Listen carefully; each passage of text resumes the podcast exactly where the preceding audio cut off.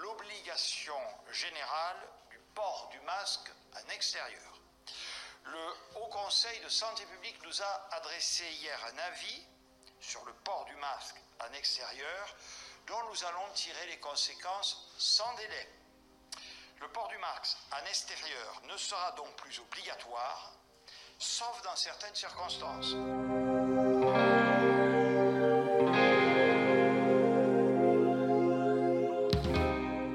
بكم. الصوت الذي استهلينا به حلقة اليوم من بودكاست في عشرين دقيقة كان صوت الوزير الأول لفرنسا جون كاستكس الذي أعلن في خطاب له مؤخرا يوم السادس عشر من جوان حزيران الجاري أن فرنسا ستقوم بمجموعة من الخطوات لتخفيف إجراءات الحماية على ترابها. وما قاله جون كاستكس بالضبط هو التالي. لقد قررنا التخلي عن ارتداء الكمامة في الفضاءات المفتوحة وذلك بعد تلقينا لتقرير المجلس الأعلى للصحة العمومية وبناء عليه فارتداء الكمامة في الفضاءات العامة والمفتوحة لن يكون إلا في حالات قصوى جداً. فرنسا تنتهج حاليا الطريق الذي سلكته قبلها جارتها إنجلترا والتي قررت منذ فترة أن تتخلى عن ارتداء الكمامة في الفضاءات العامة وفي المقاهي والمطاعم وذلك بعد أن قامت بتطعيم شامل لمواطنيها. فرنسا حاليا تقوم بحملة تطعيمها على قدم وساق. هيأت فضاءات كبيرة وجندت مئات الأشخاص تم تكليفهم بمراقبة حسن سيرورة عملية التطعيم. إحصائيات البارحة فيما يخص انتشار فيروس كورونا في فرنسا كانت كالتالي الإصابات وصل عددها إلى 2624 إصابة. الوفيات كانت 22 الحالات المستقرة وصلت إلى 89361 بتطور وصل إلى 1.55% أما أولئك الذين هم في العناية المركزة فقد وصل عددهم إلى 1703 أشخاص وتطور عددهم بالنسبة المئوية وصل إلى 0.03% المصابون في مجملهم وصل عددهم إلى خمس ملايين وسبعمائة وخمس وخمسين ألف وأربعمائة وست وتسعين مصاب عامة والمتعافون ككل وصل عددهم وهو عدد مفرح إلى خمسة ملايين وخمس وخمسين ألف وأربعمائة وإحدى عشر متعاف. أي أن نسبة تطور عدد المتعافين في فرنسا وصلت إلى 96.52% الوفيات في مجملها كانت 110724 وفية ونسبة تطور عددها وصل إلى 1.92% أي أنه عدد ضئيل جدا ولا يقارن بنسبة أولئك الذين تعافوا من فيروس كورونا في فرنسا. ويمكن أن تكون هذه الإحصائيات هي ما جعل الرئيس الفرنسي والوزير الأول لفرنسا جون كاستكس قادران على اتخاذ قرارات صارمة وواضحة وجريئة فيما يخص تخفيف الإجراءات الوقائية في البلاد. فيوم الخميس الماضي بدأت فرنسا بالتخلي عن إلزامية وضع الكمامة في الخارج كما قلنا في وقت يرتفع منسوب القلق في دول أخرى مثل بريطانيا وروسيا والبرتغال من احتمال تجدد ظهور وباء فيروس كورونا المستجد كوفيد 19 في سلالات أخرى وفي حلل يمكن أن تكون أكثر عنفا من تلك التي عرفناها. من سلالات بريطانية وجنوب إفريقية وهندية وغيرها.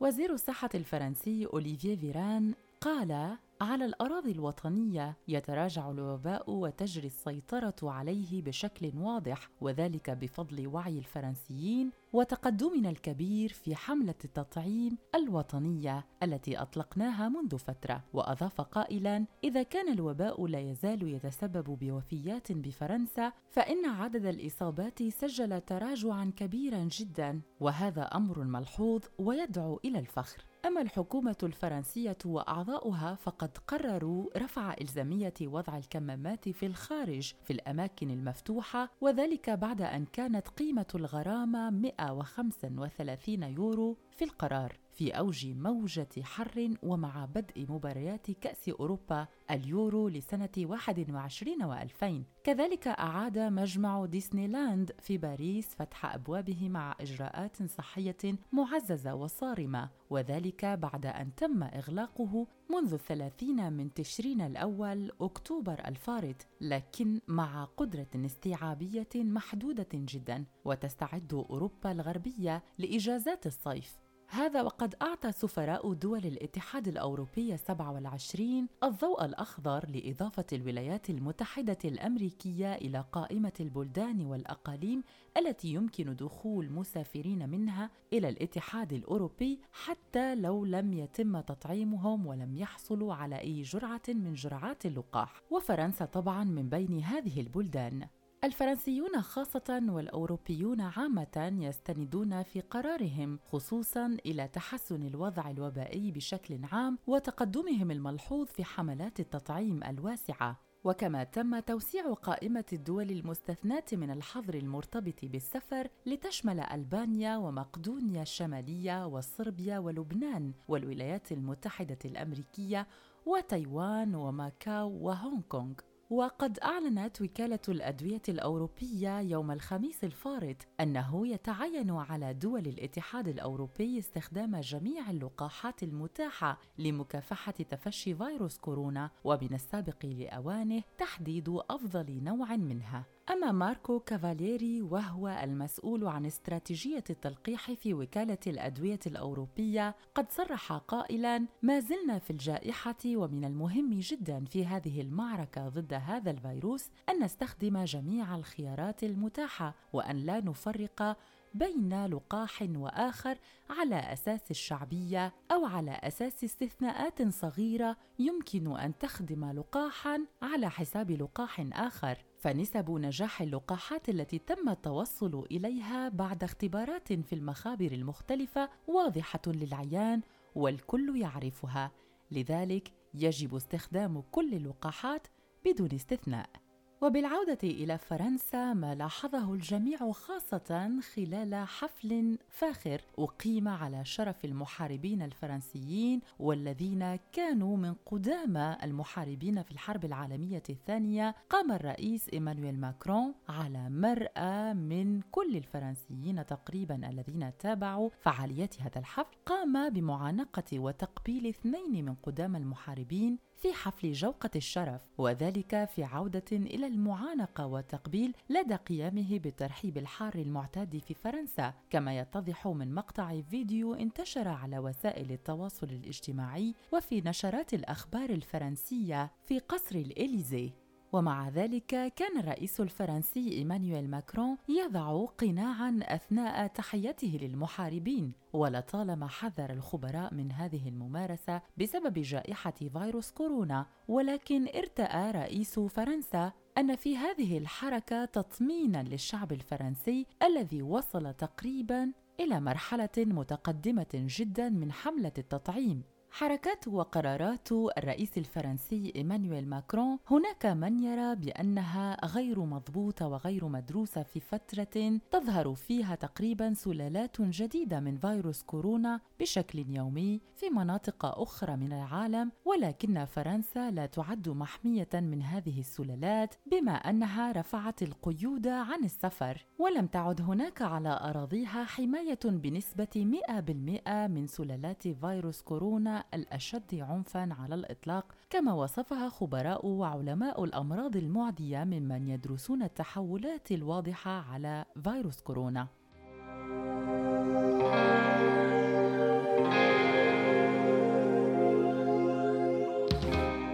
Après de longs mois d'une mobilisation intense et très éprouvante de l'ensemble des personnels soignants, cette évolution est évidemment particulièrement positive. Elle va permettre à nos soignants justement de, souffler et à nos hôpitaux de retrouver un mode de fonctionnement plus normal. Ces évolutions positives sont euh, à mettre euh, sur le compte de la mobilisation des Français et du succès de la campagne de vaccination. Là aussi, nos objectifs ont été tenus, nos échéances ont été respectées. De 30 millions de personnes ont reçu, et ce, avant même l'échéance du 15 juin qu'avec Olivier Véran nous avions fixé, une première dose de vaccin. Beaucoup en doutaient, nous l'avons tous ensemble fait. C'est évidemment une très bonne nouvelle, surtout si l'on se souvient des critiques qui avaient accompagné la présentation de notre stratégie de sortie de crise fin avril dernier, quand certains le trouvaient trop rapide et pas assez prudent. Compte tenu de ces résultats, et là est bien l'essentiel, il est normal que nous ajustions nos mesures et certains éléments de notre calendrier tout en maintenant un haut niveau de vigilance. كي أترجم لكم مستمعينا ما استمعتم له لتوكم على لسان الوزير الفرنسي الأول جون كاستيكس فقد قال التالي بعد شهور عديدة وطويلة من العمل على قدم وساق من قبل الأطر الطبية الفرنسية بمختلف خططها ومهامها فإن هذا التطور الحاصل في الوضع الوبائي في فرنسا تطور ملحوظ جدا وإيجابي. ما سيسمح للأطر الطبية الفرنسية المختلفة في كل مستشفيات فرنسا أن تتنفس الصعداء وأن تأخذ قسطا من الراحة. يجب أن نذكر كذلك هنا بأن هذه التطورات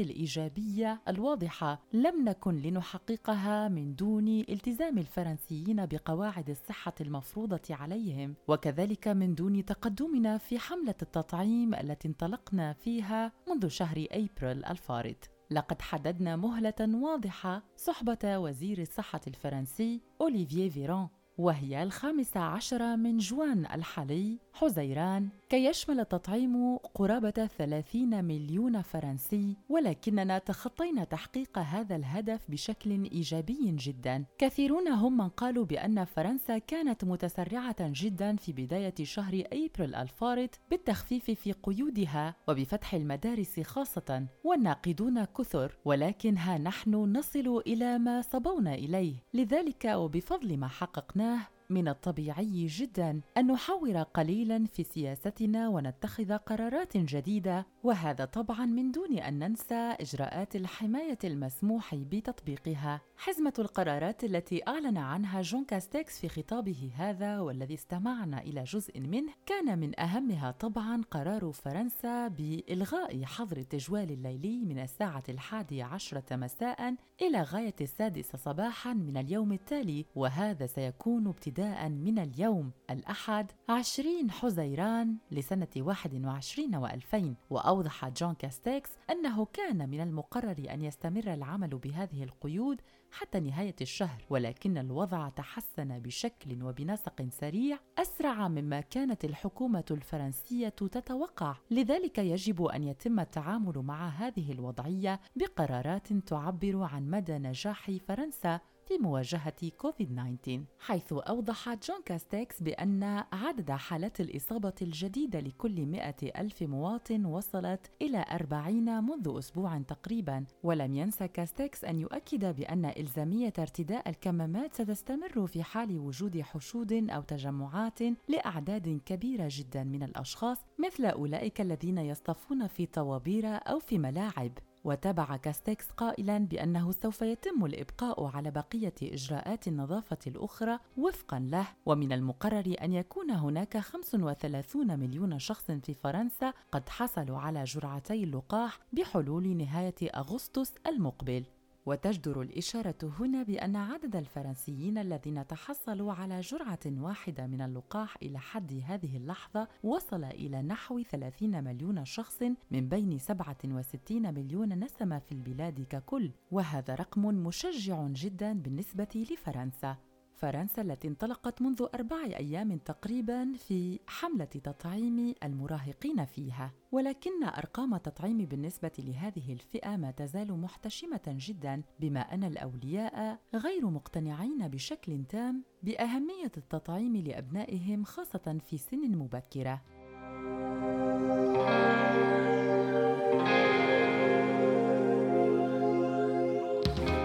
وفي ظل تخوف الفرنسيين من تسارع اتخاذ قرارات في فرنسا برفع قيود أكثر فأكثر في مواجهة فيروس كورونا دعت المستشارة الألمانية أنجيلا ميركل والرئيس الفرنسي إيمانويل ماكرون وذلك في الثامن عشر من حزيران الحالي دعت إلى الحذر في مواجهة السلالة الجديدة ومتحور دلتا شديد العدوى من فيروس كوفيد 19 خاصة خلال مباريات أوروبا لكرة القدم لليورو لسنة 21 و2000 وذلك حذرا من تفشي الوباء مجددا على الرغم من التقدم في حملات التطعيم في ألمانيا وفي فرنسا. وقالت ميركل في مؤتمر صحفي لها قبل عشاء عمل في برلين مع رئيس الدولة الفرنسية إيمانويل ماكرون لا يمكننا التظاهر بأن وباء كورونا قد انتهى أو اختفى. خاصة عندما أرى الملاعب ممتلئة في دول أوروبية أخرى أشعر ببعض خيبة الأمل في إشارة واضحة جدا إلى المجر بقيادة القومي فيكتور أوربان الدولة الوحيدة التي نظمت مباريات بدون أن تفرض أي إجراءات وقائية خاصة بالدوري. وردا على سؤال طرح عليها عن المخاطر المحتملة المرتبطة بالدور قبل النهائي والنهائي المقرر إجراؤه في ويمبلي في بريطانيا حيث تسببت متحورة دلتا في زيادة عدد الإصابات وعد ماكرون بالتزام يقظة كبيرة جدا. ويذكر هنا بأن الرئيس الفرنسي إيمانويل ماكرون هو أول زعيم أجنبي يدعى إلى العاصمة الألمانية هذا العام بسبب الأزمة الصحية فيها. وهدف الاجتماع هو تحضير لاجتماع المجلس الأوروبي في الرابع والعشرين والخامس والعشرين من حزيران الحالي. وكذلك البحث في تطور الوباء والخلافات مع تركيا وروسيا والانتعاش الاقتصادي. وقد أكد ماكرون أن تنفيذ خطة الإنعاش أولوية من أجل العودة إلى مسار التنمية لما قبل الأزمة وذلك ربما سيكون تقريبا بحلول سنة 22 و2000 وبالعودة إلى مؤتمر ميونخ للأمن في فبراير الفارط الذي جمع أنجيلا ميركل وإيمانويل ماكرون ومجموعة أخرى من ممثلي الدول الأوروبية المختلفة فقد دعا قادة أكثر من عشرين دولة إلى اتفاق عالمي جديد لمساعدة العالم في الاستعداد للأوبئة في المستقبل. وجاء في رسالة مشتركة وقعها قادة من بينهم الرئيس الفرنسي إيمانويل ماكرون كما قلنا والمستشارة الألمانية أنجيلا ميركل ورئيس الوزراء البريطاني بوريس جونسون آنذاك. أن كوفيد شكل أكبر تحد منذ الحرب العالمية الثانية بالنسبة لهذه الدول. وأضافوا أن الوباء أثبت أن لا أحد في مأمن إلى أن يصبح الجميع آمنين. وقد نشرت هذه الرسالة في صحف مثل ديلي تيليغراف البريطانية لوموند الفرنسية والبايس الإسبانية. وقال الموقعون عليها إن توقيع معاهدة مماثلة لتلك التي وقعت في أعقاب الحرب العالمية الثانية بات ضروريا لبناء تعاون عبر الحدود بين دول الاتحاد الأوروبي وغيرها كذلك. وبرأي الموقعين آنذاك فإن معاهدة جديدة ستساعد في إنشاء أنظمة أفضل لتنبيه الناس بشأن الأوبئة المحتمل وقوعها مع تحسين تبادل البيانات وتوزيع اللقاحات ومعدات الحماية الشخصية بشكل متساو بين كل دول العالم. ومن ناحية أخرى يحاول العلماء مواصلة عملهم بجد لايجاد حلول مختلفة على غرار اللقاحات والجرعات المتوفرة في الأسواق للتقليل من خطر الإصابة والوفاة خاصة الناتجه عن فيروس كورونا. فبعد عام من اكتشاف فعالية عقار ستيرويد رخيص الثمن وتوفيره حماية من خطر الوفاة الناتجة عن الإصابة بكوفيد 19 قال باحثون إنهم توصلوا إلى علاج آخر ينقذ حياة المرضى. ويقوم هذا العلاج الجديد وهو باهظ الثمن على طريقة حقن أجسام مضادة في الوريد لتحييد الفيروس بدلا من تثبيط استجابة الجسم له. في هذه الأثناء وقبل تعميم حلول مماثلة تتواصل عمليات التطعيم في العالم ككل ومنظمة الصحة العالمية تحاول أقصى جهدها أن تعمم عملية التطعيم على كل بلدان العالم بإرسالها جرعات كافية إلى البلدان الأقل حظا والتي لم تسجل تقدما واضحا وإيجابيا في حملات تطعيمها. بلدان ما تزال في طور المعاناة من عدد وفيات مرتفع بشكل مخيف. في ظل تواصل رفض مواطنيها لتلقي الجرعات الأولى من أي لقاح كان بسبب تخوفهم من الآثار الجانبية ومن سرعة إيجاد اللقاح لمواجهة كورونا. فهناك من حجتهم بأن اللقاح لم يتم اختباره بشكل كاف يبعث على الطمأنينة في قلوب من سيتلقاه. لذلك نجد بلدانا كتونس ومصر والهند وغيرها من البلدان التي تعاني ارتفاعا واضحا في عدد الإصابات خاصة في ظل نقص المعدات وعدم الاقتناع بأهمية تلقي اللقاح في محافظات وولايات معينة منها أين أصبحت السيطرة على الوضع الوبائي الحاد غير ممكنة بالمرة. فبرأيكم مستمعينا هل سيغير مواطنو هذه البلدان آراءهم فيما يخص عملية التطعيم؟ أم أن هناك حلولا أخرى يمكن أن تنقذهم من براثن كورونا ومتحورة دلتا خاصة؟ شكرا لكم على المتابعة لحلقة اليوم ونلقاكم في حلقة قادمة من بودكاست في عشرين دقيقة على راديو الآن إلى اللقاء